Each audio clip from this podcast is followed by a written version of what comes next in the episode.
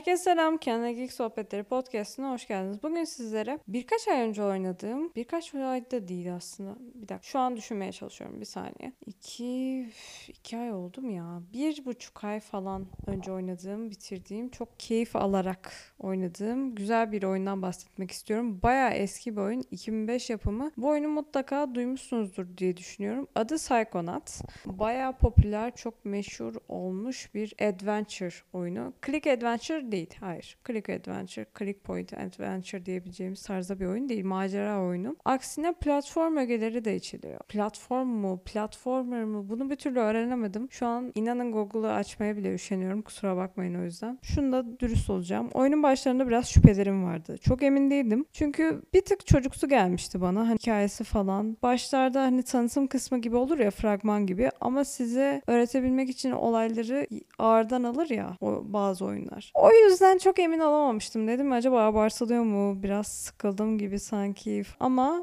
neyse ki oyun çok çabuk toparlıyor. Yani 30 dakika içinde, 40 dakika içinde tamamen kendi içine çekmiş oluyor. Psychonauts bu isim nereden geliyor? Değişik bir ismi var. İlginç bir ismi var. Bu isim şuradan geliyor. Psişik yetenekleri olan çocuklar bir psişik yetenek kampına. Psişik yetenek kampı ne ya?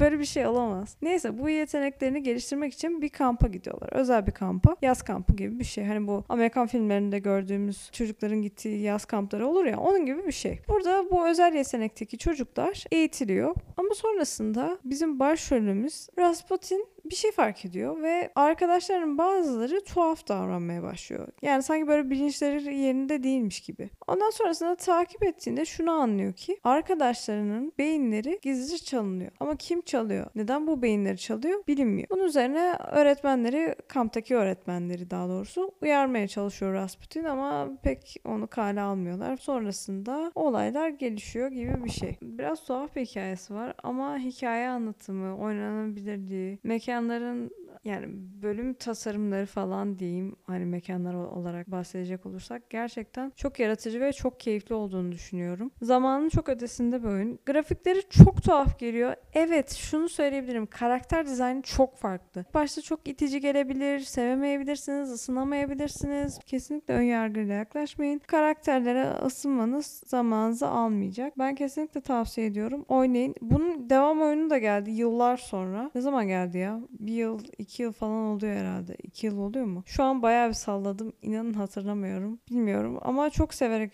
oynadım. Kesinlikle tavsiye ediyorum. Platform sevmiyorsanız bile bir bakın diyorum. İkinci oyunu henüz oynamadım. Mutlaka oynayacağım. İkinci oyun devam oyunu. İlk oyunda da zaten böyle şöyle bir şey var. Hikayenin bir devamı geleceği hissettirilmişti. Yarıda kalıyor çünkü hikaye. Ama neden yıllar sonra kalkıp devam etmişler onu bilmiyorum. Hani neden bu kadar çok bekletilmiş. O da ayrı bir merak konusu. İkinciyi henüz oynamadım. Oynayacağım. Oynayınca onu da podcastini çekeriz. Bu oyunla ilgili söyleyebileceklerim şimdilik bu kadar. Bir dahaki podcast'te görüşmek üzere. Şimdilik hoşçakalın.